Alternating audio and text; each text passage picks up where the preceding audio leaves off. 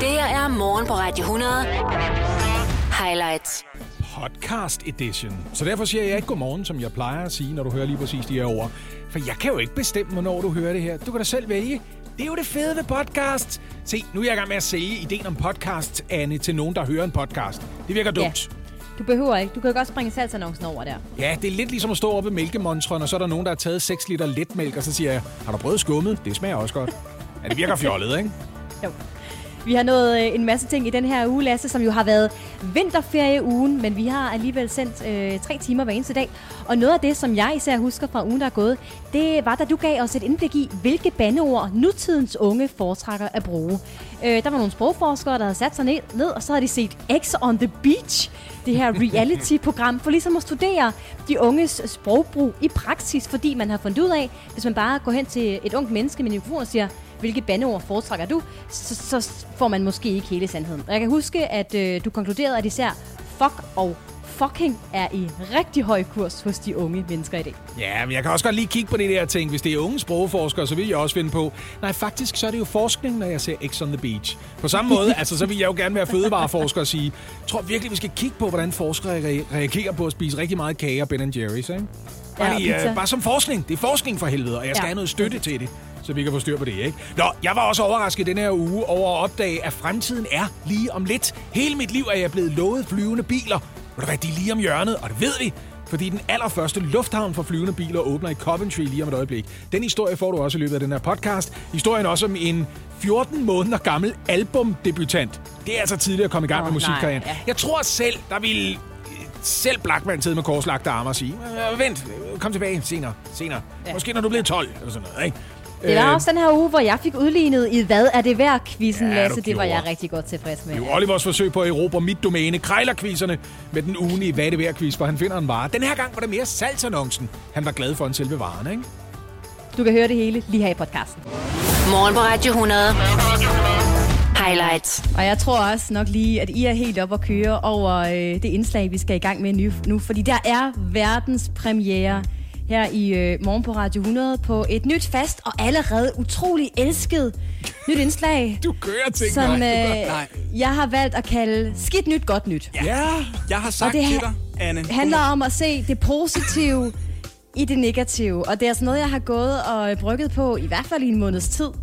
Og nu er det her endelig. Jeg har sagt til dig, øh, som hvad der skulle forestille sig at være en eller anden form for producer på det her program, at øh, Anne, du må godt lave det her. Det skal ikke være mere end to minutter langt.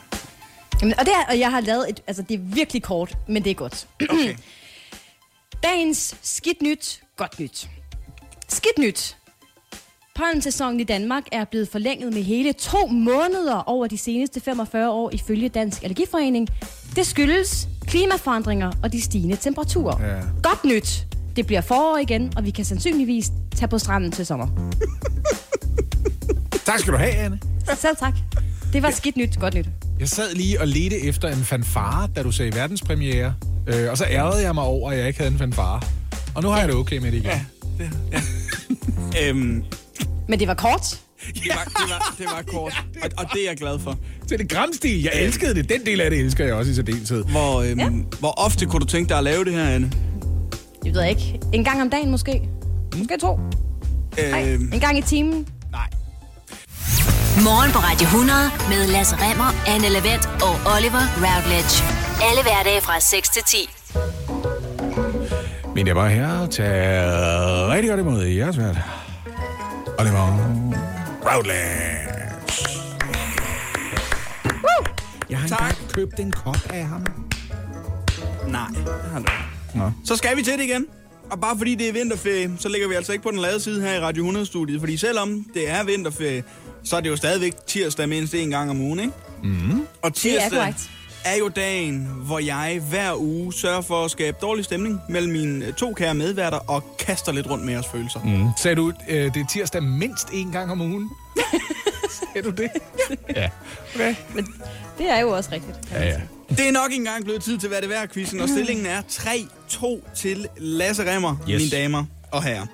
Husk at hoppe ind forbi Instagram, radio100.dk, tjek vores story, så kan du selv gætte med på dagens produkt. Og i slutningen af måneden finder vi altså en vinder af vores eksklusive Radio 100 Kop. Anne og Lasse, I har været inde og tjekke. Mm. Hvad tænker I? Øhm, altså, jeg tror, at sådan nogle ting er ret populære nu om stunder, hvor kvadratmeter er i høj kurs i København. Ikke? Jeg tænker, at hvad som helst, der er pladsbesparende, er populært. Og det er en pladsbesparende vare, det her, Oliver.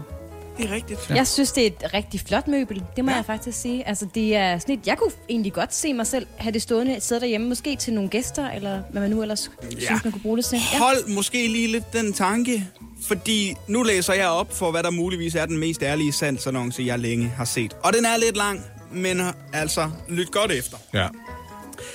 Sælger mit Hans Vener sengeskab, fordi den er et mareridt. Jeg kalder den sarkofagen, fordi den føles sådan. En kiste. Du vågner hver morgen mere død end i live. Næsten alt er lort ved den. Den er tung som et ondt år. Rør ikke ved den selv. Jeg fik fandskabet over mig og gik næsten nedenom og hjem. Skulle du flytte, kan to voksne mænd måske ordne det, men så skal du tilbyde noget rigtig godt bagefter, sandsynligvis rehabilitering. Madrassen, den er meget hård. Jeg er ret lille, så den var forkert fra starten af. Føles som at sove på et bræt, får Marit hver aften, vågner konstant, men det skyldes dels mit elendige køleskab, snapper hele tiden. Glem knipperiet, den larmer som et kongeligt skib, der synker, når man ser på det. Eller knip på, men din nabo kommer til at hade dig. What? Noget, po- noget positivt. Ja, det er meget flot og, og i meget god vintage-stand, men så skulle du have disciplin til at lukke den hver morgen, men det orker du ikke. Hvad ellers? For at undgå at øh, lade det være en dødsfælde, skal den monteres på væggen, hvilket jeg ikke gjorde. Måske er det bare mig, der tager fejl. Jeg ved ikke. Jeg er bare så træt. Jeg sover ikke. Bonusinfo. Købt hos en antikvitetshandler for 12.500 svenske kroner mm. for et år siden. Kvittering tilgængelig. Medbring masser af bærehjælp. Jeg skal ikke bære. Hentes i Malmø. Hvis du vil have den selv, kan du selv ordne det med en transportør. Bland mig udenom. Jeg kan bare åbne døren. Wow, han er træt af det møbel. Sådan, Han er ikke, han er ikke, det, er en, der, det, er en, det er en øh, gut, der mangler noget søvn, ja. det her. Altså, helt åbenlyst. Ja. sådan sælger man altså sit selskab, når man bor i Malmø. Spørgsmålet er så bare, hvad vores sælger skal have for den her herlighed. Med andre ord, hvad er det værd? Skal vi lige få på plads? Altså, det er sådan en, en, øh, en Bertram sådan, konstellation, hvor man ligesom har et skab, og så kan man vippe en seng ud af det her skab. Hvad er det der en eller anden børnejulekalender-reference, eller hvad? Ja, det er fra Pyrus. Nå. Nu er det mig, jeg ser ikke julekalender. Nej, jeg, jeg er snart 49 år gammel, det er derfor. Det ville være creepy, hvis jeg sad alene og så julekalenderafsnit, som sådan noget nogen af 30 år, og siger, kan jeg vide, hvad der sker med Bertramsen og de andre i Nationalarkivet? Rigsarkivet, var det ikke det, det foregik? Rigsarkivet, jo. ja. Jo, det er I danser om den der. varme grød. Og jeg var ellers stor ja. Jesper Klein. Lasse, det er jo sådan set Men dig, det er der Lasse, der fører. har første bud. Ja. Ja. 12.500, men det er jo svenske kroner, ikke? At den købt for i sin tid. Svenske kroner, så ville det svare til, hvad? 900 danske. Ej, Øh, 9000, ikke? Ja, nej, men jeg runder bare ned, fordi, prøv at høre, den svenske krone, den er jo ikke en skid værd. Øhm, og han vil gerne af med den, så jeg gætter på, at selvom han taler den så meget ned, det er jo næsten en bortgivelsannonce, det der. Han givet 12.500 svenske kroner for den, han vil stadigvæk gerne have... Stadigvæk gerne have 5.000 for den. 5.000. Nej, det er for dyrt. Han vil gerne have 3.000 Er det svenske kroner? 3.000. Han vil gerne have 3.000 danske kroner for den. 3.000 danske kroner er budet. Jeg kan fortælle dig, at det her Oliver, han ser meget overrasket over det her bud. Som om, den er, det er helt forkert. Men det er, det er også helt galt, det der Lasse Remmer. det for lidt det eller her, for det er meget? trods alt, jamen, det er for lidt. Fordi det her, det er et Hans Vener sengeskab, og man betaler altså noget for navnet. Nå. Jeg er godt klar over, at han taler det ned i den her øh, annonce. Men det her Det er det, der bekymrer Veners mig, han taler det ned jo. Ja. koster 7.800 kroner. 7.000. Men jeg tror også, hun har ret, fordi det er jo sjældent. Altså, Ja, nu skifter... Ah, nu bliver du usikker, Lasse Remmer. Ah? 7.800. må jeg godt lave en anden lavend og lave mit bud? Nej, om? Jeg er også nej. fast. Og det er det Desværre for hold Grønland. Hvornår, Budet hvornår holdt fra- vi op med at modde det? Budet fra... For det- kommer meget an på, hvem der gør det. Budet fra Jeg må gerne stadigvæk. Hold Grønland er altså 3.000 Nej, det er helt forkert. kroner. Det er helt, jeg vil godt holde fast i mit første Det er bud. helt Det må jeg galt. godt ane. Jeg må godt holde Det er fast i helt mit galt. første bud. Mit Nej. første bud var 5.000. Budet er låst på 3.000. Budet er låst på 3.000. Nej, det er ikke retfærdigt. Så Åh. for mig. Og budet fra Hold Vest er 7.800 danske kroner. Det tror jeg er et rigtig godt bud. Det bliver spændende også. at se. Fordi han taler så grimt om varen. Det kan jeg ikke rigtig forlige mig med. Så står der 3-3 lige om lidt. Det glæder jeg Det mig tror jeg til. faktisk også, der gør. Om der kommer til at stå 3-3 eller 4-2 måske. Nej, nej, gør det ikke. Oh, hvem ved det? Jeg skal nok fortælle det lige om et øjeblik. Mine damer og herrer, tag nogle gange godt imod jeres værter, Oliver Routledge. Han ejer garanteret stadigvæk et billedrørsfjernsyn et eller andet sted. Øhm, det har været spændende. Jeg har haft lommeregneren fremme. Nå, What? Så den ligger lige i midten? Ja! Jeg har en chance! Jeg har hold en op med at juble for tidligt, Lasse. Nej, det har du ikke. Nej, det har du ikke. Skulle forsøge at gætte prisen på hans venersengeskab, som er sat til salg, fordi den er et mareridt, som bliver kaldet sarkofagen, fordi det føles sådan en kiste, hvor man vågner hver morgen mere død end i live. Og glem alt om at have et sexliv. Glem alt om at have et sexliv, eller gør det, men din nabo kommer til at have dig. Ja. Eller sengeskabet falder ud af væggen, fordi det ikke er boldet fast. Ja, lige præcis. Lad mig sige det sådan, øh, vores nabo er altid blevet fans efter et par uger. Onlyfans. Øh, budet fra Hold Grønland til dette her sengeskab var 3.000 kroner. Og, og nu hvor du siger lommeregner, så håber jeg, altså jeg, begy- jeg tænker mere og mere, jeg skulle have sagt 5.000, det kan jeg da godt mærke. Men ja, 3.000. Hvorimod budet fra Hold Vest var 7.800 Yes. Rigtig kroner. godt bud. Ja, Mhm. rigtig godt bud. Sengeskabet er sat til salg for.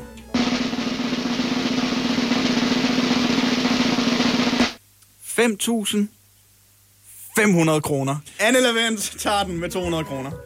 Gør jeg? Ja! Jeg sagde 5.000! Jeg sagde 5.000, Oliver!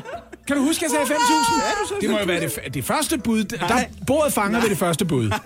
Det må være der. Altså det første, man siger, er det der tæller. No, no, no, no, no. Jamen, hvorfor kan jeg så Åh, ikke lave jeg- det sag? Jeg har kun haft matematik C. Jeg var helt blank der. Men hvor dejligt. Det er da Hvis det havde skønt. været 5.000, så havde jeg vundet. Ja, så havde du vundet. Jamen, det var det Hvis ikke, Lasse havde Remmer. været 5.200, så havde jeg vundet. Eller havde du, Du sagt, sagde havde du 3.000. sagt 3.500, Ja. så havde du også vundet. Men jeg sagde 5.000. Ja, men du sagde 3.000 bagefter. Ej, jeg bliver bortdømt nu jo. Det synes jeg ikke. Men altså, 3-3 til næste uge. Det er, der er spænding i den her quiz. Anne Levent løber ikke afsted med noget som helst, og det er dejligt som quizmaster. Du gør det her for at bevare spændingen, Oliver. Måske. Ja. Hjemmebanedommer. Hvad du er. Øhm, Anne, jeg tror Ja? ja. godt, vi, vi tør sige, at det er blevet en kæmpe succes. Ja. En kæmpe succes. Det nye indslag, du har fundet på. Ja. Rolig. Skidt nyt, godt nyt. Det er, øh, tør jeg godt sige, et øh, fast og allerede elsket, elsket indslag her i Morgen på Radio 100, fordi det handler om at se det positive i det negative. Og i går på vores øh, daglige redaktionsmøde, altså I bønfaldt mig om at lave det endnu en gang. Altså I kan bare ikke få nok.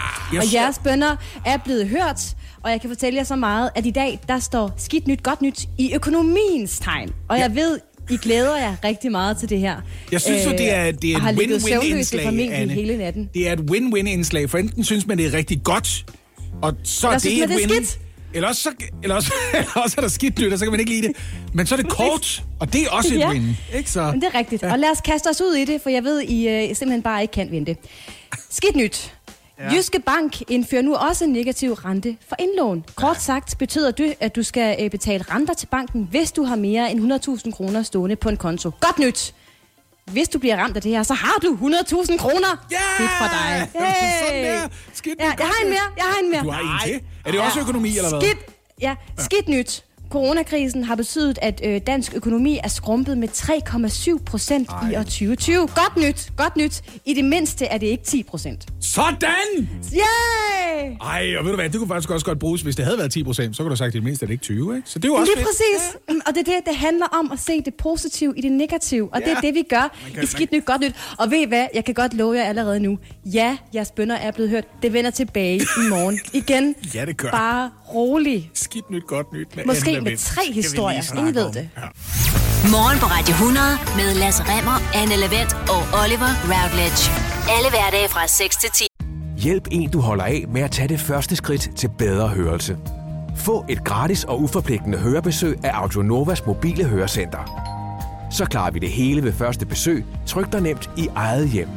Bestil et gratis hørebesøg på audionova.dk eller ring 70 60 66 66. Ja, for 45 år siden, der vidste man, hvordan fremtiden lød. Ikke?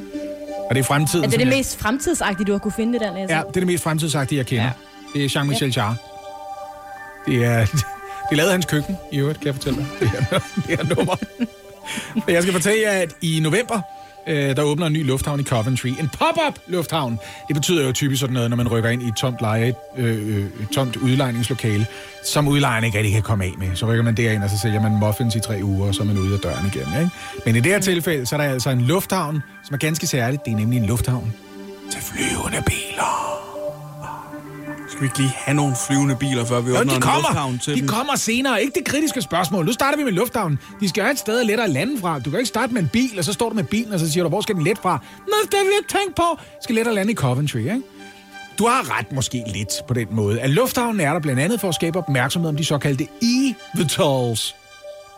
Øh, elektriske Vertical Takeoff and Landing Vehicles. Mm. eVTOLs. Er det, er det det, flyvende biler hedder? Jeg tror, de får et mere catchy navn. Det vil jeg regne med, ikke? Når først de her flyvende taxaer, de er klar, så der bliver et marked, øh, så regner man med, at det marked, det vil kunne omsætte for op imod 3.000 milliarder kroner! 3.000 milliarder kroner, er det bare lige for at sætte det i perspektiv, så man forstår, ikke? Det er næsten tre gange det danske årlige statsbudget. Eller, Kan du gøre Hvor det mange storebæltsbroer er det? nej, det kan jeg ikke hjælpe jer med, men jeg kan fortælle jer, at det er lidt over 300 milliarder liter letmælk. Nå, okay. Så øh, det, var, ja. det var meget 3.000 Det er meget. milliarder kroner. Ja. Så prøv at forstå, hvor meget mælk det er. Det er meget mælk, ikke? Der er mange store spillere, som prøver at få en bid af den her kage. For eksempel er Uber i gang med sammen med Hyundai at udvikle øh, den såkaldte SA1. Det er en batteridrevet lufttaxa. De ligner alle sammen hinanden. Det er groft sagt droner, bare med plads til mennesker i. I stedet for et lille GoPro-kamera, så kan der simpelthen sidde en, to, op til fire personer i, i de her droner, som så vil kunne øh, lette lodret så vil de flyve i 300-600 meters højde frem til destinationen og lande igen. Det glæder jeg mig enormt meget til. Der er bare det ved det. Det, det, det er ikke så enkelt, jo. Nej, jeg har et spørgsmål. Ja. Og det er det samme spørgsmål, som jeg stillede for halvandet minut siden. Skal man ikke lige have styr på de flyvende biler, før man laver en lufthavn? Og, jamen, og ja. hvad er udfordringerne med de her flyvende biler? Udover at de kun kan flyve til 300-600 meters højde. Der, der, er ikke, der er ikke nogen udfordringer. Nu slapper vi lige af. Der er ikke nogen udfordringer øh, med de her flyvende biler. Bortset fra måske lige sådan lufttrafiksikkerheden. Den kan godt være et lille problem, ikke? Ja. Fordi altså, der skal man huske på for det første. Når du kører en bil, skal du orientere dig i to dimensioner. Ja.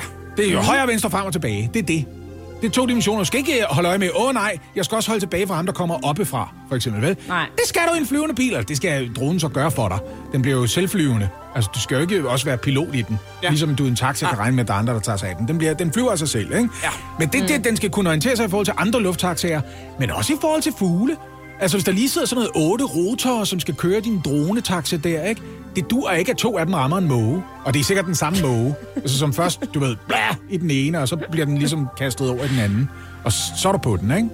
Ja. Så man er nødt til at løse det der med trafiksikkerheden. Hvordan undgår man at kollidere med hinanden? Hvad gør man med fugle og andre ting, som man ligesom kan flyve ind i? Kan, altså, Så det er et problem. Ja, det, det er et problem, Okay. ikke? Kan man udstikke en ordre om, at alle måger skal aflives måske? Ja, det vil jeg da synes var en øh, glimrende udfordring. Det er måske, så er det løst. Ja, og katte, mens man er i gang. Ja, ja, ja. De kan også være farlige for lufttaxaer. ja. Jo, når de hopper. ikke. Når de hopper. Ja, de kunne godt hoppe op i en... Meget højt. Hop. Hvad er mere et problem, Lasse? Der er, okay, nu, hvis I gerne vil kigge på problemerne. Ja. Negative typer, ikke? Jamen, det Jamen, vil jeg er gerne. journalist, jeg er konfliktsøgende. Ja. Måske også lidt noget med batteriet, for de er jo elektriske, de her, ikke? Og det tager jo et stykke tid at lade batteri op, men der er også noget med batterilevetiden, som er en udfordring i sig selv. Ikke? Hvad sker der i en nødsituation, hvis en Nissan Leaf løber tør for strøm? Ikke? Så kan man lige trække ind i nødsporet, så ringer man til SOS, Vejhjælp. Dansk ja. Ja. Folkehjælp, eller Børnefonden, eller jeg, jeg ved sgu ikke, hvad man ringer. Så ring, Falk, man ringer til Falk. Så kommer Falk med et fejeblad og tager din Nissan Leaf med og kører dig til nærmeste stikkontakt. Så får du også lige en kviktest, ja. Ja, lige præcis. Ikke? Fordi der er jo det ved det, at hvis du kører på fossile brændstoffer, så kan du godt have en lille tank om i bagagerummet. Kan ikke lige have sådan noget... Det har jeg. 60 det har du. batterier i bagagerummet. Du er klog af skade, har du lært det, ikke? ja. Mm. Der kan man godt regne ud. Man er lidt mere på den, hvis man hænger 300 meter op i luften, og lige pludselig så viser det sig, at der er faktisk mindre strøm på, end du lige havde regnet med. Ej, det er, det er skidt. Ja. Det skal vi også have løst, ikke? Så det er endnu et problem. Ja, fordi der er også noget med rækkevidde, ikke? Hvor langt kan den flyve, den her drone? og ting, Ikke? Ja. Og nytter det noget, at den kun kan flyve 400 meter, når den så lander, så skal den lade op i fire timer. Det bliver aldrig en god forretning, vel? Nej. Så var det det. Øh, trafiksikkerhed og øh, nødsituationer. Ja, batteri, ikke? Ja, er der flere problemer? Okay, hvis I skal kigge negativt, hvis I absolut skal kigge på grunden til, at I ikke er kommer oppe mere at køre. Ja, og få en eller anden en form for hjerneorgasme, okay. Ja. De larmer rigtig, rigtig meget. De larmer psykopat meget, de her taxaer. Uh, jeg har set de der droner der, som nogen de flyver rundt med. Mænd på 52. Ja. Nede ved ja. stranden. Ja. De summer meget. de lyder som seks bisværme, ikke? Ja, og alt hvad de skal løfte, det er sådan noget 300 gram kamera. Ja. ja. Prøv lige at forestille jer øh, en lufttaxa, der skal løfte fire gennemsnitlige amerikanere. Ikke danskere, Det larmer. amerikanere, Det larmer. som jo svarer til otte danskere, Ja. cirka, ikke? Det larmer rigtig meget. Og det problem har man heller ikke rigtig løst endnu. Så man forbinder normal elektrisk transport med, åh, oh, det er tyst, man kan dårligt køre bilen, kom kørende. Det gælder bare ikke, når de er luftredet? Så, ja. Så der kommer en lufthavn i Coventry øh, Ja, ja, ja. til november. Ja. Og der er det ved det der med batterierne, at jeg gætter på, at det er meget noget med, så kan man prøve at lette i sin flyvende bil i lufthavnen i Coventry, og så sige, hvor langt kan jeg komme? Og så siger han, over til den anden ende af lufthavnen. Ja. Så kan du flyve mm. derover og blive sat af. Det er jo også rart, ikke? På. Smart. Ja. Så når du siger, der kommer flyvende biler, vil du så gerne trække det tilbage? Måske de bliver lidt ligesom luftens svar på de der elløbehjul. Altså mere noget, man bruger for sjov, end noget, man egentlig kan bruge til noget praktisk. Jeg skal love dig for, at der er nogle øh, voksne mennesker i København, der ikke mener, det er for sjov, når de kommer på deres løbehjul. Ja, Men okay. de ser fandme sjov ud. Det er godt sagt. Men I ved også om mig, ikke? At jeg er jo i den der midtvejskrise alder. Og hvis jeg skal have min egen flyvende bil, ikke, så bliver det en cabriolet. Vi har allerede snakket om det. det skal jeg, så skal jeg have en åben bil. Så skal jeg have en, Det er altså, det er vind i håret. Ja, vind i håret og Carsten Reh ved siden af mig og sådan noget, ikke? Der sidder og brokker sig over, at vi ikke stoppede, da han så en tom flaske i vejkanten, fordi den kan der tjene nogle penge på, ikke? I ved godt, hvad det er for en type, jeg er. Ja. Det er en type i en striktrøje med en anden striktrøje om halsen og en striktrøje bundet rundt om livet. Også en naiv type, der tror på de flyvende biler i den nærmeste fremtid. Du må ikke tage drømmene fra mig! Ej, men man det må lyder godt være som om- realistisk. Ja, der er flere problemer end løsninger. Flere spørgsmål end svar, som du udtrykte tidligere. I Oliver, ser ikke? kun fluerne i suppen, og ikke suppen rundt om fluerne. Morgen på Radio 100. Highlights.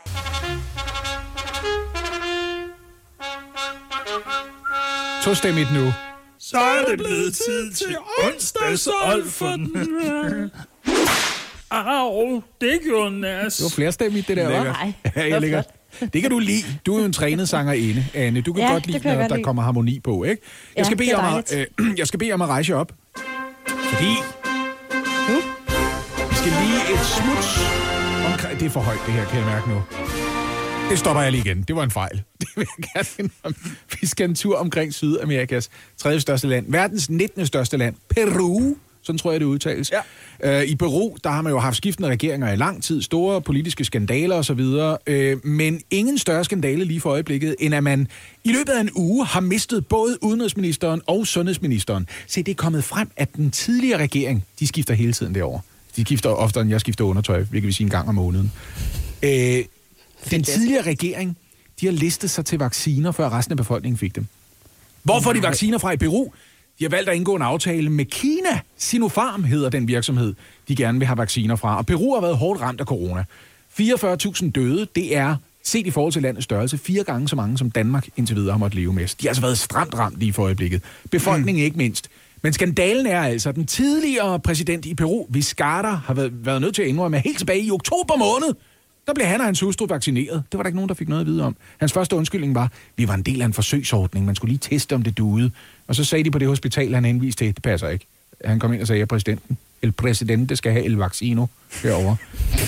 øh, det vilde det er, at de to ministre, der har trukket, så det er henholdsvis sundhedsministeren og nu også udenrigsministeren. To ministre altså i Peru, som har været nødt til at indrømme, ja, de sprang køen over, simpelthen fordi de var ministre. Og det kan godt være, det er i Peru, ikke? Men jeg bliver så edderspændt rasende hver eneste gang, folk misbruger magt til at snyde sig foran i køen et eller andet sted. Og det gælder uanset om det er vacciner i Peru, eller om det er en mand, der kommer ind og siger, jeg er faktisk kontorchef hos PET, jeg skal hente mine rundstykker før jer. Det er aldrig sket det her, men jeg har fantasi om det, og jeg bremser ham hver gang. Øh, s- onsdagsolfert til, til tidligere minister i Peru for at misbruge deres Sådan magt. der. Jeg hader sådan noget der. Ja. Jeg vil gerne give en øh, seriøs olfer til øh, alle de mennesker, der simpelthen ikke har kunnet styre sig i det vintervejr, vi har haft den seneste tid. Derfor vil jeg med den største glæde hive underbuksen helt op i nummi på dem, der har insisteret på at stæbe barnevogne, trailere, heste, biler, traktorer, indkøbsvogne, find selv på mere, ud på is, der ikke har været sikkert endnu. Jeg er træt af at læse øh, om folk, der ikke kan finde ud af at passe på sig selv og andre. Og vigtigst, jeg er træt af, at det er mig, der som lovlydig forbipasserende kommer til at hænge på den, hvis en af de her tosser rent faktisk går gennem isen. Fordi der er ikke andre til at hoppe i og redde dem, hvis de nu rent faktisk falder i. Og det bliver jeg æderspændt rasende over. Så måske er øh, global opvarmning øh, ikke så skidt, fordi der er simpelthen for mange, der ikke kan styre sig øh, og ikke kan håndtere is på vand. Kæmpe onsdagsolfert lige der til dem. Aner i øvrigt ikke, hvorfor vi har valgt lyden af et piskesmæld til det her. Nej, men sådan, det lyder næsten som en Olfert. Mm. Og min onsdagsolfert, den går til øh, noget, som der måske ikke er et problem for alle, men det er gået over gevind for mit vedkommende nu. Fordi min onsdagsolfert, den går nemlig til de producenter, som bliver ved med at smide falsk tilskuerlyd på diverse sportsbegivenheder. Mm. Problemet for mig, det opstår givetvis mest, når jeg ser en fodboldkamp. Jo vist, vi ved godt, der ikke er nogen tilskuere på lægterne, men please, please, please, stop med at lade som om, der er tilskuere på stadion. Vi kan alle se med vores egen øjne, at det ikke er tilfældet. Og det er hamrende irriterende at høre på. Min største bøn, den går til alle producenter af specielt fodboldkampe om at stoppe med det fis. Bare lad os se kampen, som den er, og lad jeres kommentators kommentering af kampen være det. Lad være med at skabe en stemning, som der ikke er der. Sådan der. Nu har jeg det også bedre. Det er et fucking godt nummer, fristes jeg til at sige. Fordi jeg vil jo gerne være ung med de unge. Og det bliver jeg øh, nu, hvor jeg... Øh, delagtigt gør jeg i, hvad de unges nye yndlingsbandeord er. Jo, sådan noget er under stændig forandring, for Dansk Sprognævn har nemlig undersøgt, hvordan unges sprogbrug har forandret sig. Det har de gjort på en lidt enestående måde. Margrethe Heidemann Andersen er seniorforsker i Sprognævnet, og det er hende, der står i spidsen for at se hele første sæson af X on the Beach. What? Her er grunden til, at man har valgt at bruge 24 afsnit af tv-serien X on the Beach som afsæt for at undersøge, hvordan unge banner. Og det er ifølge øh, Margrethe Heidemann Andersen, fordi hvis man observerer unge øh, på en måde, så de ved, at de bliver observeret. Hvis man går hen til dem med en mikrofon, stikker dem op i ansigtet på dem, og så siger, tal som du plejer, så taler de ikke, som de plejer. No shit. Mm. Og så begynder de lige pludselig at tale meget pænere, end de ellers ville gøre, fordi nu står de og snakker med en seniorforsker fra sprognævnet. Derimod så har man en idé om, at hvis man ikke føler sig observeret, sådan som man åbenbart ikke gør i X on the Beach, hvor der er 62 kameraer, der håber på, at der er nogen, der knaller et hot top på et eller andet tidspunkt, så taler du ærligt og på en helt anden måde. Så de har sat sig ned og transkriberet alt, hvad der er blevet sagt overhovedet. Og det kan for eksempel lyde sådan her, ifølge den artikel i Politiken, hvor jeg har fundet referatet af det her stykke sprogforskning. Når en af deltagerne, Stine, oh, kan I huske hende fra sæson 1? Nej. Ja, det kan jeg heller ikke. Jeg har Nej. heller ikke set det. Øh, skælder sin ekskæreste ud. Morten, Morten er der. Og så, så siger hun som følger. Morten, du har givet udtryk for, at jeg var noget specielt for dig. Du vil ikke en fucking skid, Morten. Det eneste, du vil, det er, at jeg er et fucking hul. Ved du hvad? Jeg føler mig fucking trådt på, Morten. Du har brugt mig som en eller anden fucking lille legetøj. Ligesom hjemme i Kolding, som en af dine klamme fucking luder. Jeg tror, vi kan Wow. konkludere, at Stine er sur på Morten, ikke? Jo.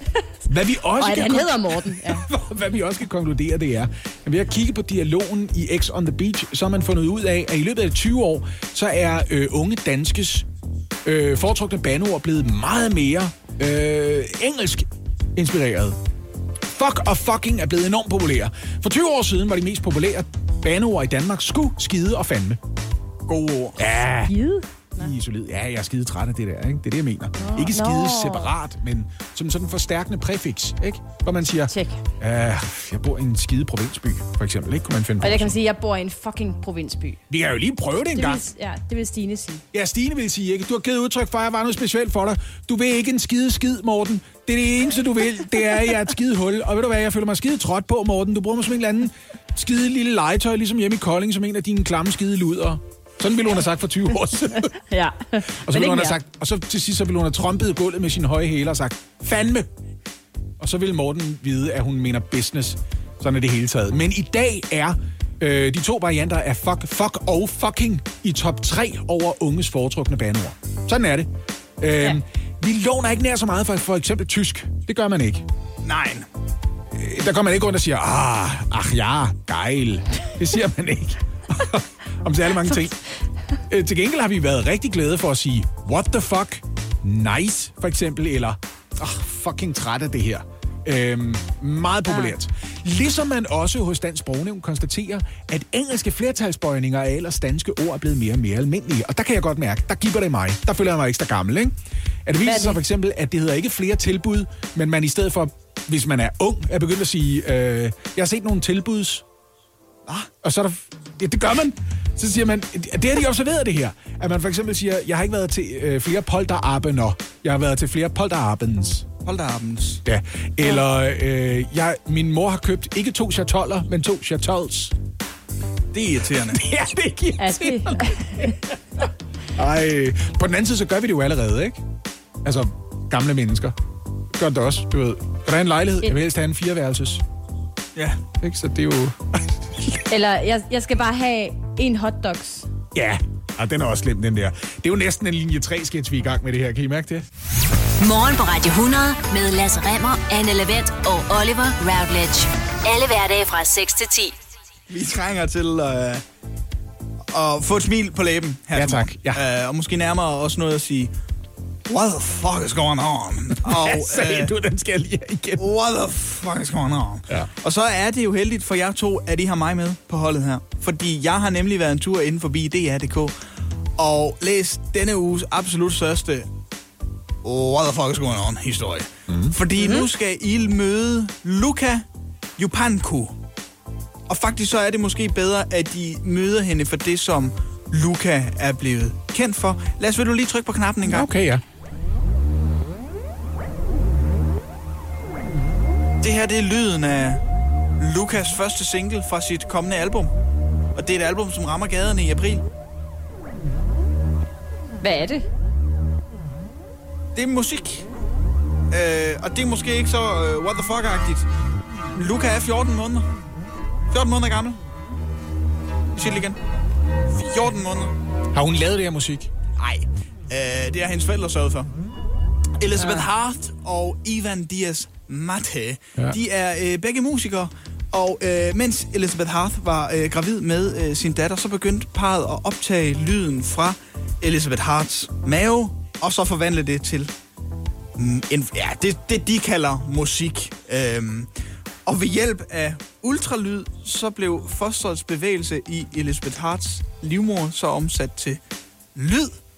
Lydbølger blev herefter ledt ind i en række synthesizer, og det har så skabt den musik, som er udgangspunkt for det kommende album, der bærer titlen.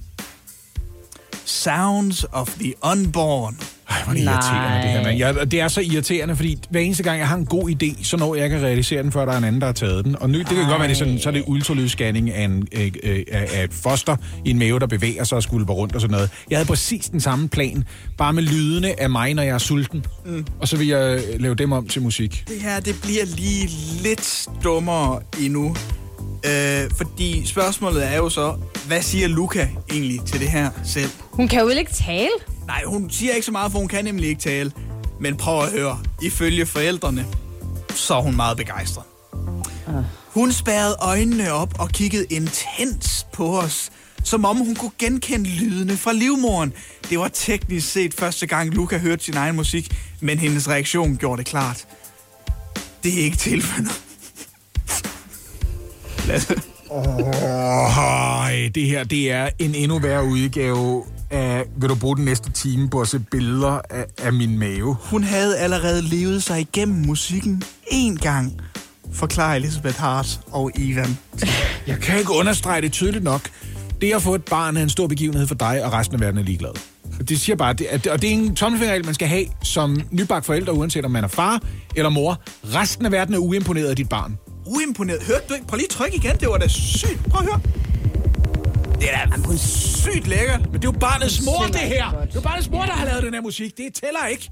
Det tæller ikke. det- Man kan, ikke- jeg kan da heller ikke komme ud og, og, i 1972 og så sige, jeg har æren for noget, min far lavede på en billedvæv, mens min mor var gravid med mig. Det lyder også lidt som om, at de har fundet den der knap med sjove lyde på keyboardet, og så bare stået og hamret lidt på det. Det lyder også lidt Det som her, om, det mener du ikke.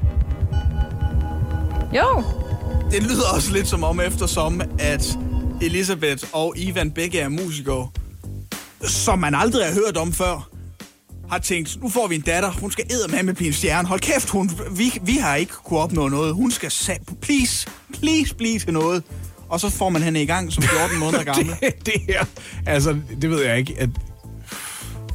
Jeg kan jeg slet ikke overskue det her. Jeg bliver, lidt irriteret. jeg bliver lidt irriteret. Men det kan da godt være, at jeg tager fejl. Det kan godt være, der går fire måneder, så spiller vi det her på Radio 100 og siger, her er... Den, ja, det ved man ikke. her Sounds of the Unborn. Her er den nye fra Luca Japango, og den hedder...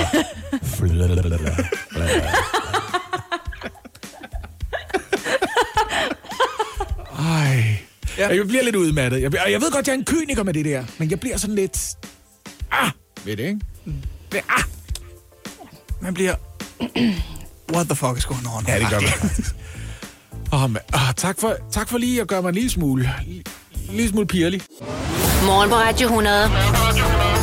Highlights. Ja, for det skal nemlig handle om uh, Britney Spears nu, en sanger, som jeg elskede, da jeg var teenager, fordi dengang var der altså ingen over hende. Og nu er der blevet lavet en dokumentar om hendes liv, og ikke mindst om de konsekvenser, som et liv i rampelyset har haft for hende. Dokumentaren Framing Britney Spears, den har allerede fået rigtig meget omtale, og det er stjerner som Justin Timberlake, også kendt som Britneys ekskæreste, der efter udgivelsen har været ude og undskylde sin egen opførsel over for Britney Spears, som altså, øh, han havde forhold til, da de begge to var ganske unge. Ja, godmorgen Martin Blikker, Godmorgen. vores faste filmanmelder, øh, og i dag også et dokumentaranmelder her i morgen på Radio 100. Hvis man tænder for den her dokumentar Framing Britney Spears, hvad bliver man så taget igennem som seer? Altså, hvad, hvad handler den om? Ja, så overordnet set, så handler den her dokumentar, der er produceret af The New York Times om Britney Spears, øh, som gennem mange år ligesom var vores tid vel nok største kvindelige popstjerne. Men altså til trods for mange år med sådan en rivende succes på scenen og millioner af solgte albums og en konstant massiv indtjening, ja, så er hun altså den dag i dag frataget en lang række frie valg i og med, at hendes far, Jamie Spears, simpelthen er blevet indsat af en domstol som hendes værve. Øhm, og det er altså en position, som han har varetaget siden 2008, altså godt og vel 13 år, som følger en række hændelser i Britney Spears liv, som altså endte med det her mentale sammenbrud, som nogen måske husker. Men øh, igennem alle årene, der har Britney Spears stort set forsøgt at få ophævet det her frihedsberøvende værgeskab, øh, og det er altså et retssag, der stadigvæk ruller i dag, og som er blandt andet endt med den her bevægelse, der hedder Free Britney, og nu er altså også den her dokumentar, som kommer lidt tættere på det hele. Altså, det er jo en fandrevet bevægelse, det her, og det kan man også godt høre på traileren for filmen. Free Britney! When do we want it? Now! What do we want? This is Free Britney 102, where we explore issues related to the Free Britney movement. The Free Britney movement is advocating for the end of Britney Spears' conservatorship. But a functioning woman that's been working nonstop, it just it doesn't make any sense. Dear Britney. Altså, den har fået rigtig meget omtale, den her film, og det er også interessant, den beskæftiger sig så meget med, hvordan hendes privatliv er blevet invaderet, men det her jo i praksis vel også er en voldsom interesse for netop hendes privatliv. Hvad er det konkret i dokumentaren, der er så opsigtsvækkende, Martin Blikker? Jamen, altså, jeg tror, en af de grunde til, at den har fået så meget omtale i medierne blandt andet, det skyldes, at flere kilder i den her dokumentar sådan peger på, at det her værveskab, som altså har varet 13 år, det ikke længere opretholdes for Britney Spears' bedste, men i stedet for opretholdes for hendes fars bedste, som sammen med sin advokat altså tjener virkelig, virkelig mange penge på den her situation. Det er en af de få ting, som man får at vide, hvor man sådan løfter et øjenbryn og tænker, hold da kæft, det vidste man ikke, fordi det er faktisk sådan, at faren han får 1,5 procent af Britney Spears' indtjeninger, lige siden han har været... Øh, eller påbegyndt det her værgeskab, og det er rigtig, rigtig mange penge, når man ser på, hvad Britney Spears egentlig går og foretager sig. Øhm, og samtidig så er der også flere, der peger på, at Britney Spears igennem de her 13 år altså er blevet rask igen, og er mere end i stand til at tage vare på sig selv, og altså sin egen formue, som især er den, hun ikke har adgang til. Øhm, og samtidig så er det jo også en sag, som stadigvæk er indhyldet i mystik, fordi man ved altså ikke ret meget, hvad der egentlig foregår bag de her lukkede døre, øh, hvilket også har ført til den her Free Britney-bevægelse, som jo også har forsøgt at komme med et svar nærmere det hele, blandt andet ved at begynde at fortolke sådan på Britney Spears' Instagram-opslag, som de jo altså mener indeholder skjulte beskeder om fangenskab og så videre. Så ja, det er lidt, uh, lidt i øst og vest. Ja, det lyder som mange ting, man skal forholde sig til som øh, uh, ser på en gang, Martin Blikker. Hvordan fungerer dokumentaren i praksis? Jamen altså, jeg synes desværre ikke, den lykkes så godt, fordi den ved sgu ikke rigtigt, hvad den gerne vil stille skarp på. Man kan sige, for en dokumentar på bare ja, omkring 63 minutter, så har den altså fokus på alt, alt, alt for mange emner. Altså, de er alle sammen spændende, hvis man tog sig tid til at gå i dybden med dem. Men på 65 minutter, ja, så ender den her udgravning, som det jo egentlig skulle være, altså til at blive mere et spadestik. For der er både fokus på den sygelige paparazzi-kultur i USA, der er fokus på kvindelige kontra mandlige stjerner, og hvordan de iscenesættes. Så er der fokus på de her mennesker, der tilslutter sig Free Britney-bevægelsen. Og så er der i sidste ende også fokus på den her sag om værvesituationen, som man aldrig får et dybdegående indblik i. Fordi vi kommer aldrig bag kulissen hos de her mennesker, som dokumentaren handler om. Vi får aldrig lov til at høre fra Britney Spears eller hendes far Jamie Spears, eller andre, som går op og ned af de her mennesker. Så det kommer vi aldrig rigtig et svar nærmere på. Altså, det lyder lidt som en artikel, som en redaktør ville have lagt ned og sagt, hvis du ikke kan skaffe kilderne til at underbygge din historie, så er der ikke rigtig noget tilbage. Så hvad der ligesom øh, står tilbage her, det er, hvor mange stjerner skal den så have fra 1 til 6 stjerner? Jamen altså, hvis man ikke ved noget om Britney Spears og hendes opstigning og fald fra stjerner, jamen så er det en fin lille opsamling, men det er også det, det føles som. Altså en opsamling, eller en, endda måske bare en prolog til den rigtige dokumentar, som man bare sidder og venter på, kommer lige om lidt. Men i forhold til at levere sådan et dybere indblik i værvestriden og kigge bag kulisserne, ja, så gør den her dokumentar cirka lige så meget fra eller til som en prut i en gyldetank. Så den får to ud af seks stjerner herfra. Nu redder jeg lige det parforhold. Altså ikke dit nødvendigvis, Anne. Det går sgu sikkert meget godt. I gang med at købe hus sammen, så jeg håber, det går godt i hvert fald. Ikke? Ja, det gør det. Ja, det går fint. Tak. dejligt, Men, jeg, men jeg, man har altid brug for en lille, en, et lille eftersyn. Det er jeg nemlig enig med dig i, fordi jeg er blevet inspireret af, at Berlinske i dag har en artikel, som fortæller, at parterapeuter, altså de har bare gyldne dage lige for øjeblikket. De har oplevet en samlet kundetilgang på 28 procent. Der er rigtig mange, øh, som er kommet til, altså nye kunder, newbiz, som jeg er sikker på, man kalder det, når man tager sig for et spareforhold. øhm, men der er altså også eksisterende kunder, som simpelthen bare er begyndt at bruge dem mere. Jeg er jo stor fan af parterapi. Det vil jeg gerne Ja. sige. Mm. Øh, jeg bruger det i mit ægteskab. Eller vi gør. Det ville være mærkeligt, hvis jeg dukkede op til parterapi alene og sagde, du skal ikke sige til min kone, at jeg er her. Men, øh, øh, jeg ved godt, det er kontroversielt at sige højt, fordi folk de formoder, at det er et udtryk for, at alt er helt af helvede til. Ikke? Og det er også, hvad parterapeuterne siger i den her Berlingske artikel. Der er for mange, der kommer til parterapeuten for sent. På et tidspunkt, hvor det er sådan lidt, du skal hjælpe os med at blive skilt på en ordentlig måde. Altså, det er den ene okay. part, dukker op med, jeg skal skilles fra det røvhul, og det er nu! Og der er det for sent. Det er ikke der, man skal ja. gøre det, vel? Så når Nej. folk, de, altså når jeg siger, jeg er kæmpe fan af parterapi, så plejer jeg at sige det sådan lidt på den her måde. Det, det er lidt ligesom at komme i et fitnesscenter, ikke?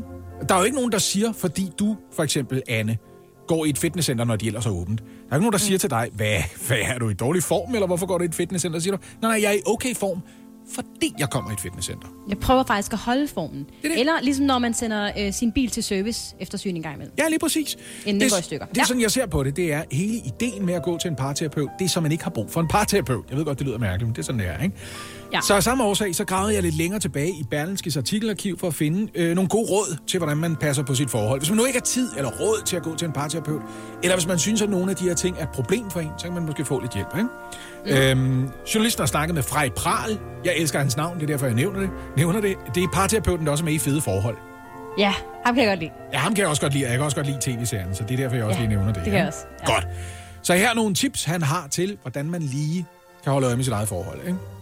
Allerførst, så siger han, skal lige huske på, det er ikke din partners opgave at fuldende dig. Det er ikke sådan, at din partner skal være den manglende brik i dit øh, liv. Den, som du har gået og sukket efter altid. Og der skal du bare stor fed finger til Jerry Maguire, den der Tom Cruise-film. Den der You Complete Me. Det er ikke Ja. romantisk sagt. Det er giftigt sagt. Det er ikke din kærestes opgave at fuldende dig. Det er det ikke. Du kommer enten til at føle dig lige så mangelfuld som før, eller lige så fed og altid som før. Det kommer dit parforhold forhåbentlig ikke til at gøre den store forskel på. Mm, ja, okay. Giver Det, mening. det er vigtigt. Ja. Du er et menneske i dig selv, og du er det samme menneske i forholdet som uden for forholdet. Du kommer ikke til magisk at forandre dig, og det er ikke din partners opgave at gøre det. Godt. Andet råd. Lad være med at formode det værste om din partner. Lad være med at gå og gætte ved dig selv. Nu, nu går hun nok og synes, at øh, grunden til, at hun siger det, det er sikkert, at... Øh, lad være med at tage detaljer og fylde hullerne ud med det værste, du kan finde på.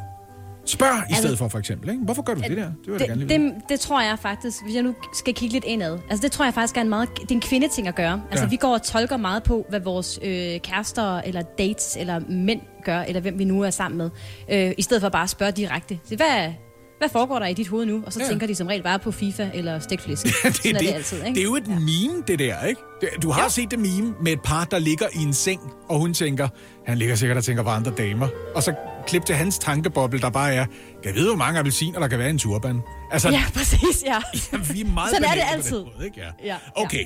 Den tredje ting, det er, husk lige på, at uanset hvor du selv er i din lystcyklus, så er din partners lyst til sex en god ting. Det er dejligt, mm. at du har en partner, der stadigvæk begærer dig, uanset hvilken retning det går. Og det betyder ikke, at du skylder din partner at have sex eller noget som helst, men husk lige på, at det kommer fra et sted, der handler egentlig grundlæggende om lyst. Og det, at du ikke har lyst, er ikke et udtryk for, at din manglende lyst bliver trumlet. Så pas på med at sukke eller rulle med øjnene og sige igen, åh, jeg, jeg har stadig ikke... Er du klar, hvor travlt jeg har lige for øjeblikket? Er du klar, hvor stresset jeg er? Jeg føler mig bare helt oppustet. Jeg har virkelig ikke lyst til... Det er ikke en god måde at mødekomme lyst til dig på. Nej, så kan man tænke, ej, hvor er det dejligt, du har lyst til mig, selvom jeg føler mig oppustet. Ja, lige præcis. Og har ikke? mine striksokker på. Ja. Ja, så jeg har lavet et dejligt lille bamsehjørne til dig herinde i et lukket lokale, hvor du kan sætte dig under ned i fred, hvis det er det, du har lyst til. Ja? Eller hvad ved jeg? Det, er, det ved jeg sgu da ikke. Jeg er ikke bare terapeut, vel? Jeg ved ikke, hvordan man så håndterer det. Anyway. Husk lov for det. Ja. Lige præcis. Det er, så har jeg vasket en af dine sokker, skat. Gå her og sæt dig. På, på, punkt nummer 4. Husk lige at passe på følelsen af forbundethed. Og det behøver man altså ikke at tage på spagophold eller restauranter eller noget som helst for at gøre. Det kræver bare, at man er mentalt til stede for hinanden, at man ikke svømmer væk i tankerne. Det er en ting, jeg er virkelig slem til i øvrigt. Jeg er hele tiden gang i et eller andet op i hovedet. Det kan være svært at få mig at tale. Er det også sådan noget med telefoner, altså med skærmtid og sådan hvor man ligesom svømmer væk i sin telefon, i stedet for ligesom at være til stede? Lige præcis. Der, der er det det ved det, at selv før internettet, der havde jeg en telefon op i hovedet. Altså. Ja. Og det skal jeg virkelig passe på med det der. Det, det ved jeg godt. Øh, det er min opgave. Det er sådan noget, jeg arbejder på i mit forhold, for eksempel. Ikke? Den femte ting, helt oplagt, det er utroskab. Lad være med det. Lad lige være. Ikke? Lad bare lade være. Ja. Det udhuler ja. tilliden. Det er ikke så meget det der med, gider du, tænk, at du har lyst til at knalde med andre.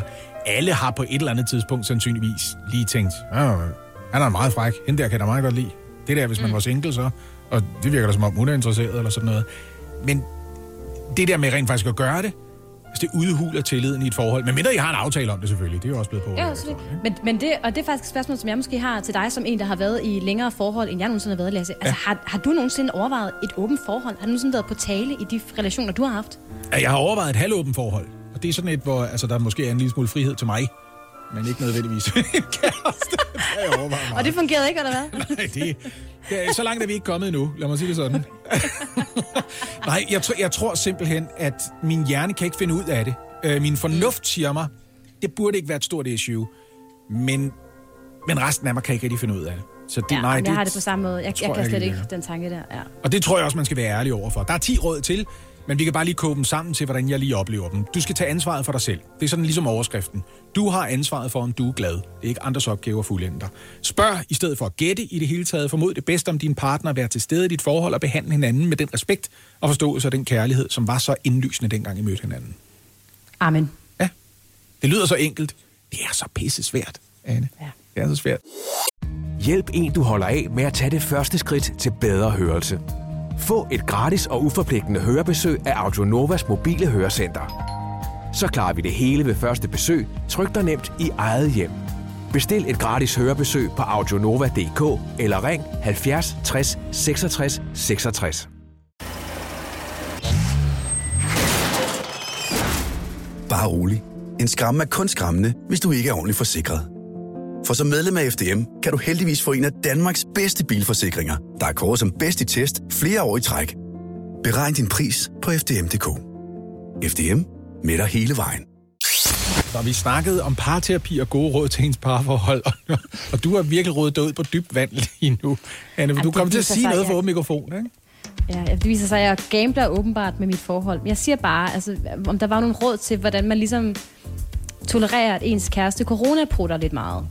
Og det er kun i coronatiden. Og jeg skulle spørge fra en ven. Øh, så- Du skulle spørge for din kæreste, der gerne vil vide, hvad han stiller op med dig. Eller hvad? Det må Nej. man aldrig sige, det der. Det må man ikke. Det, Nej, og det var det, ja. det er jeg godt klar over. Der er nogle kvinder, som har det stramt med det. Jeg er gift med en af dem, for eksempel. Hun kan slet ikke lide, at jeg nogensinde nævner noget. Det er altid noget med noget vinyl, der knupper mod et gulv eller et eller andet. Det er, det er aldrig hende, skal det lige Nej. siges. Øh, og hun synes, det er det ærgerligste i verden. Omvendt, så er jeg jo også velsignet med en hustru, der synes på en eller anden måde, at det er lidt rart, at jeg slapper så meget af. Og, som hun udtrykker det, øh, at der er en tydelig forskel mellem hende og mig. At hun ligesom er ladylike, mens ja. Jeg er lidt mere til den anden side. og det er jeg desværre vendet mig lidt for meget til, at hun synes. Er, Okay. er det fordi, det larmer? Er det det? Er det for tydeligt? Er han for ligeglad? Ja, jamen, jamen, jeg tror måske, det er fordi... Øh, og nej, han, det, altså, det, altså, det er ikke sådan noget med, at han sidder og, og prutter, mens vi spiser og sådan noget. Men det er mere det der med, at, at, øh, at jeg måske ikke rigtig ved, hvad jeg skal gøre ved mig selv. Eller sådan. Jeg bliver måske lidt for lejen på hans vegne. fordi, det ved jeg ikke. Fordi, fordi jeg heller ikke rigtig kunne finde på. Altså sådan, Nå, og så er det også noget med noget, noget hud, der lige gnider et eller andet sted. Eller sådan noget. Det er altid det, ikke? Nå, fordi du har lyst til at sige, hvorfor synes du ikke, det er pinligt at gøre det der? Ja, et eller andet sted, ja. Ja. ja men det, ja, det, det er mig, der har det er mig, og ikke ham, Lasse. Det kan jeg godt se. Men går du og roder en lille smule med sådan en følelse, at det er for tidligt i forholdet, du slapper så meget af? Er det det? Nej, nej, for jeg, jeg kan faktisk godt genkende øh, måden, som Line har det på, at det er faktisk også lidt rart. Altså, sådan, at, altså, at han ligesom slapper så meget af. Altså, det er sådan, der er ikke noget med, at man har nogle facader, man skal opretholde noget mm. som helst øh, over for hinanden. Jeg synes jo, det, øh, når man er ung især, så er det jo næsten et sværere spørgsmål. Hvornår kan man gøre det første gang foran en partner? Det er næsten sværere end, hvornår siger man, jeg elsker dig første gang. Og der vil Ja, jeg den jo første anbefale, brud, den er meget svær. Ja. Ja, der vil jeg jo anbefale, at man slår de to begivenheder sammen. Altså, for, så du ved, hvis man prutter, og hun kigger op og tænker, hvad fanden var det, så siger man, jeg elsker dig i bagefter. Det tror jeg er en god idé. Ja. Men okay, du siger også selv, som en øh, mand, altså det er et tegn på, at man slapper af, og det, og det, det er et godt tegn, Ja. ja. at der ligesom bliver lukket lidt gas ud. Jeg kan samtidig huske, at når min far gjorde det, så synes jeg, hvad fanden laver du? Det, er, det kan man da ikke bare sidde og gøre inde i stuen. Og nu er jeg blevet voksen og tænker mig selv, det var der med min stole på, man kan. Det har jeg vundet retten til. Jeg er blevet så gammel. At Sådan nu, er det. Og sådan er det. Ja. Ja. Men det skal da også lige siges, der er forskel på, om der er gæster eller ej. Ikke? Er det. Okay, trods alt. Ja. ja. Så meget slapper jeg heller ikke af med gæster endnu. Nej, det er, også, nej, det er faktisk, det er faktisk meget glad for. Nå, men nu er det i hvert fald sagt til hele Danmark, og øh, ja. det håber jeg, I begge to trives med. Fordi Det et, et, af de, øh, et af de 10 parterapi-råd, jeg ikke nåede frem til, var jo, lad være med at udlevere din partner for andre. Jeg sagde, at jeg skulle spørge fra en ven, Lasse. ja, du skulle. Morgen på Radio 100. Highlights. Mine damer og herrer, tager rigtig godt imod jeres vært. Anna Lavent! Jeg tror, hun nogle gange går med slips. Det kan være meget spændende.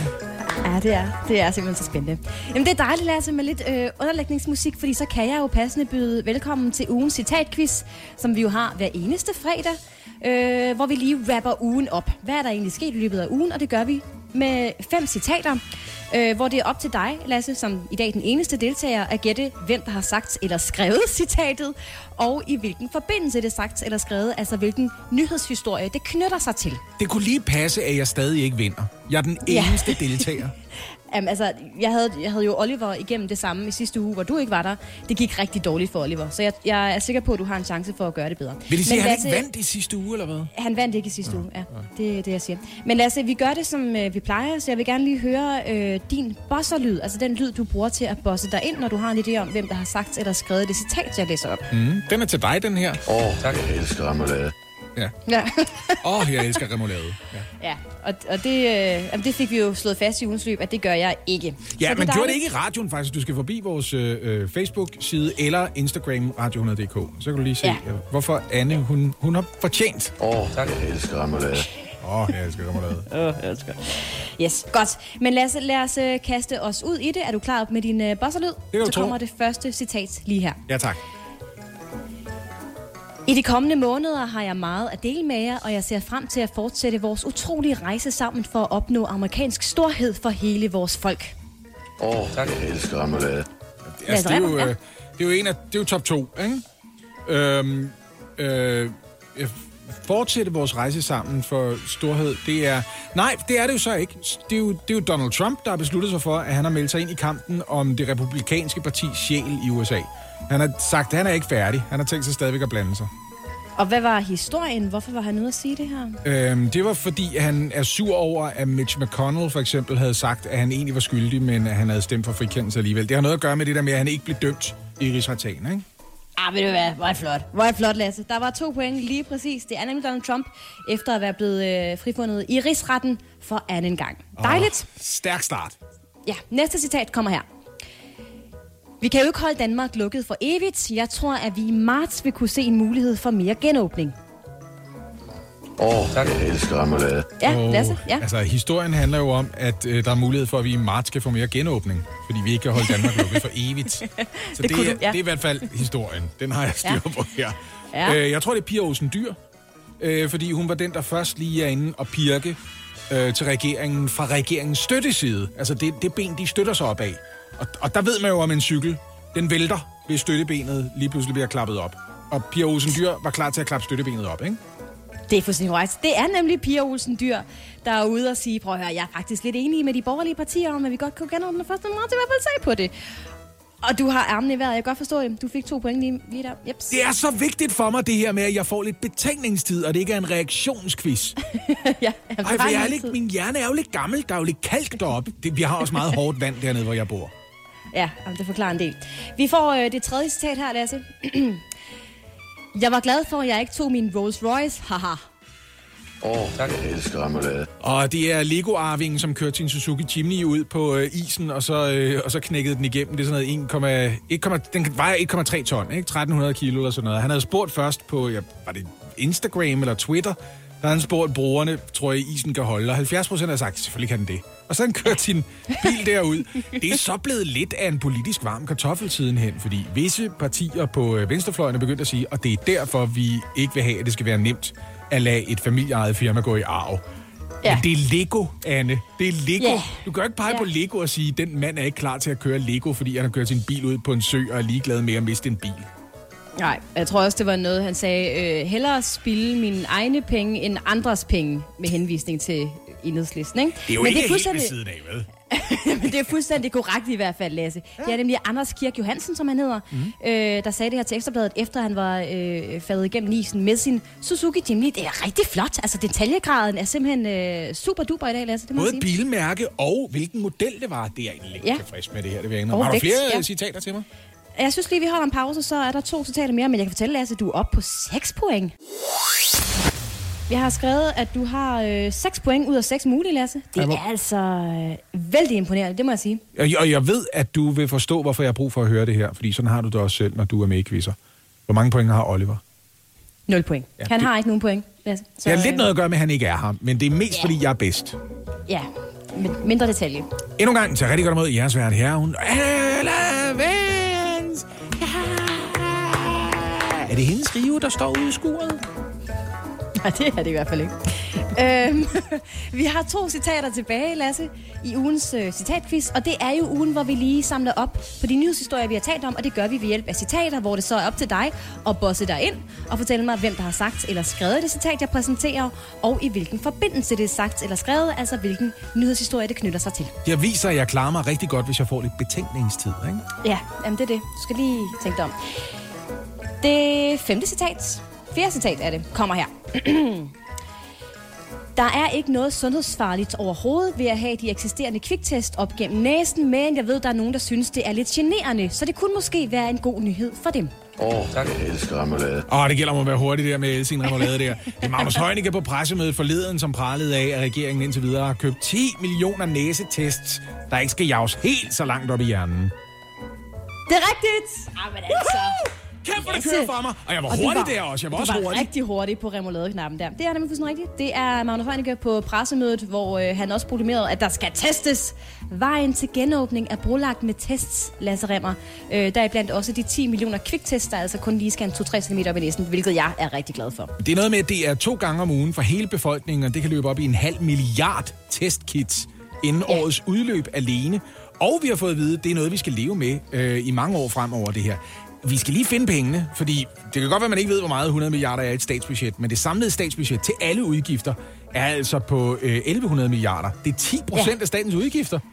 Ja, og så vidt jeg ved, der er det, det, det, så er det 100 milliarder af det beløb, det koster at drive hele sundhedsvæsenet i dag. Uh, så det, det, er- det, det er jo mange penge, lad os bare sige det sådan. Ja, Men ja, ja. okay, det er godt, der er nogle andre mennesker, der skal finde de penge. Jeg tror, der er nogle Jeg har- fedestuer rundt omkring, hvor man tænker, at vi kunne også godt bruge lidt flere penge til nogle sygeplejersker og nogle øh, jordmøder her. Ikke? Lasse, du har mulighed for at få fuld hus nu. Vi øh, er i gang med de to sidste point ud af 10 mulige. og sidste citat kommer her. Vi har set på, hvordan vi kan opgradere spisekortet og smørbrødsedlen. Derudover har vi planer om at lave arrangementer med vinsmagning, whiskysmagning og ølsmagning. Den er svær, den her. Ja. Vi har set på, hvordan vi kan opgradere. Spisekortet og smørbrødsedlen. Derudover har vi planer om at lave arrangementer med vinsmagning, whiskysmagning og ølsmagning. Åh, oh, jeg elsker remoulade. Det er jo en, ja. Ja. en, det er en historie om en restauratør. Jamen, Kan vi altså, komme det lidt nærmere, Lasse Rimmer? hvem er det, der er i panik lige for øjeblikket?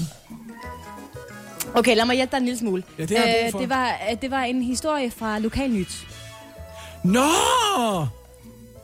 Stadigvæk ikke helt skarpt. Det ringer stadigvæk.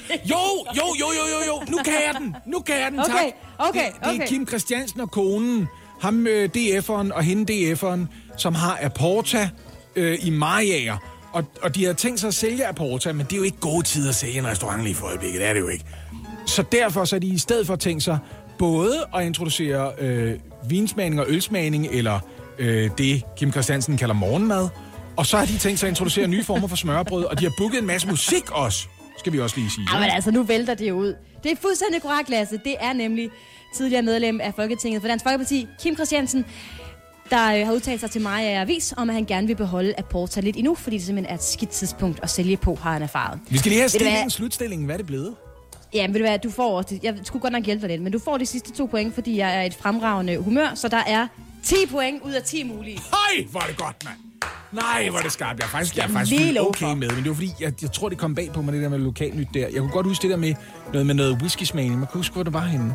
Nej, men den, er også, den, var lidt, den var lidt svær, men derfor var jeg synes, øh, synes jeg alligevel, det var rigtig flot, at du lige, lige kunne finde Kim Christiansen frem der. Ja, Kan vi gøre det her på fredag, når Oliver øh, er her igen? At hvis vi er begge to, både mig og Oliver, så må Oliver ikke være med, og så ser vi, hvordan det går. Fordi det virker det kunne vi godt. godt se på. Han gør heller ikke noget godt for quizzen anyway, så det kan godt være, vi skal finde ud af det. Fuldstændig enig. Tak for quiz, Anne. Selv tak. Der blev formentlig bidt en del negle og tørret fugtige håndflader af hos NASA i aftes dansk tid, da en rumsonde skulle forsøge at lande på Mars, efter at have været på vej siden juli sidste år. Det har man altså brugt 18 milliarder kroner på at sende den her rumsonde Perseverance, som den hedder, 471 millioner kilometer afsted hjemmefra. Og sandsynligheden for, at landingen ville gå galt, og måske endda ende en eksplosion, var faktisk ret stor. Godmorgen, Michael Linden Vørnle. Godmorgen. Du er astrofysiker hos øh, DTU Space. Hvor nervøs var du i aftes, den her, da den her rumsonde skulle lande på Mars? Ja, men man kan ikke sige sig helt fri for uh, netop at have de der lidt svedige håndflader og en, en, en lidt hård sten i maven, fordi man ved jo, at den her rumsonde, den er jo overladt til sig selv i løbet af de her syv forfærdelige minutter, som det tager fra rumsonden første gang uh, rammer toppen af Mars-atmosfæren til, at robotten Perseverance så øh, forhåbentlig skulle stå øh, solidt godt plantet med alle otte, øh, undskyld, seks hjul på, på planetens overflade. Øh, og, og fidusen er jo, at fordi afstanden mellem Jorden og Mars øh, omkring øh, godt 200 millioner kilometer, så er radiosignalerne, de er jo mere end 11 minutter undervejs, så man har ingen mulighed for at gøre noget. Man må bare sidde og vente og håbe på, at det går godt, og man får det ikke at vide før bagefter, om det egentlig er gået godt eller skidt. Men heldigvis så gik det jo rigtig, rigtig godt. Ja, det er jo store tal, vi snakker om her. Når, som jeg forstod det, så var der især syv minutter i forbindelse med selve landingen, som var kritiske. Helt afgørende for den her mission, som altså har kostet milliarder af kroner, og som øh, man har knoklet med at få til at lykkes. Ikke bare siden juli øh, og opsendelsen øh, sidste år, men altså i en lang periode før dag. Vil du ikke lige tage os igennem de syv minutter og fortælle, hvorfor de var så kritiske efter så lang tid? Jo, men det er det. Man kan sige, sådan en rummission, der skal til andre planeter, der er der jo to kritiske faser. Det er opsendelsen, og den opsendelsen, det var i øh, juli sidste år, det gik jo fint. Og så tøffer man ellers derud af øh, på vej mod Mars, og så kommer man frem til Mars, og det var det, der skete i går, øh, hvor man klokken 21.48 dansk tid, der rammer øh, rumkapslen som Mars-atmosfæren. Og det, der sker der, når man rammer Mars-atmosfæren med næsten 20.000 km i timen, det er, at der sker en kraftig opvarmning. Øh, og der er rumkapslen så udstyret med et varmeskjold til at beskytte mod den her varmeudvikling, der kan være helt op til 1.300 grader. Men hvis man rammer atmosfæren i en forkert vinkel, øh, så kan alting gå galt. Altså man kan enten brænde op i atmosfæren, eller man kan skibe af atmosfæren. Så det gælder om at ramme på den helt rigtige måde. Når så først man er kommet ind i atmosfæren, så efter et stykke tid, så udløser man så en øh, faldskærm. Og det er klart, hvis faldskærmen ikke bliver udløst, ja, så siger det altså bang, så styrter man ned. Hvis faldskærmen bliver udløst øh, for tidligt, jamen så vil man lande øh, længere før, altså en man egentlig gerne vil lande på Mars. Udløser man for sent, så vil man lande for langt fremme. Øh, og landingen var meget, meget, meget kritisk, fordi man havde valgt et meget vanskeligt landingssted, så det var meget vigtigt, at man kunne lande super præcist, øh, for ikke at øh, landingen skulle gå galt. Når så man har hængt i faldskærmen et stykke tid, så bliver selve øh, robotten Perseverance, som hænger i det, der kaldes en sky crane, som er sådan en form for jetpack, kan man næsten sige, som har otte raketmotorer, øh, styret ned mod overfladen med de her motorer tændt, og det er klart, at hvis motoren ikke tænder, igen, så styrter man ned, så er der ingen mission tilbage. Og så er den her mission for første gang udstyret med en automatik, hvor den her jetpack under landingen simpelthen holdt øje med overfladen. Man tog billeder af overfladen for at se, hmm, hvor er det bedste landingssted, korrigeret hele tiden. Og hvis det system havde svigtet, så kunne det også være gået fuldstændig galt. Og så den sidste store finale, det er så, at øh, den her Skycrane, den her jetpack, den svæver så 20 meter over Mars overfladen, og så firer den simpelthen den her robot ned, som på jorden vejer godt et ton, men på Mars vejer lige knap 400 kilo på grund af den lavere tyngdekraft. Den bliver så firet ned på overfladen, og så skal den her øh, Skycrane, den skal så flyve væk, efter den har klippet kablerne over og landet et andet sted, så den ikke dumper ned oven på robotten. Så det er sådan en sekvens, hvor der bare er så mange ting, der kan gå forfærdeligt, forfærdeligt galt. I går landede et rumkøretøj på Mars' overflade, og vi kunne følge med på tv-skærmene. Det var noget, Michael Linden Wørnle gjorde. Han er rumforsker ved DTU Space. Godmorgen igen. Godmorgen. Og for et par minutter siden fortalte du os, at der er et rumkøretøj ombord på den her rumsonde, der har til opgave at indsamle jord- og klippeprøver fra Mars. Og jeg ved, at der også er en øh, dansk produceret mikrofon ombord på det her køretøj, der skal optage lyd deropfra. Hvad skal det bruges til?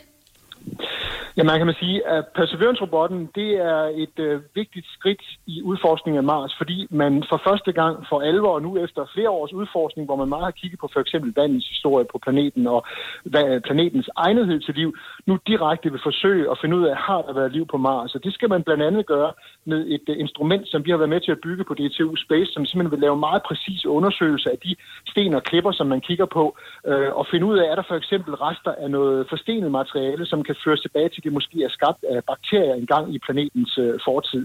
Øh, men vi kan jo være rigtig stolte af, at der jo faktisk på den her robot sidder der syv videnskabelige instrumenter, og ud af fire af de her videnskabelige instrumenter er der faktisk øh, danske forskere øh, involveret, så der er et stærkt dansk fingeraftryk i den her mission. Jeg ved, at hvis man spørger Tesla-ejeren Elon Musk, så sværger han en dag ved der sidde øh, mennesker på Mars. Hvad er dit svar på det spørgsmål? Kommer der nogensinde til at flyve mennesker til Mars?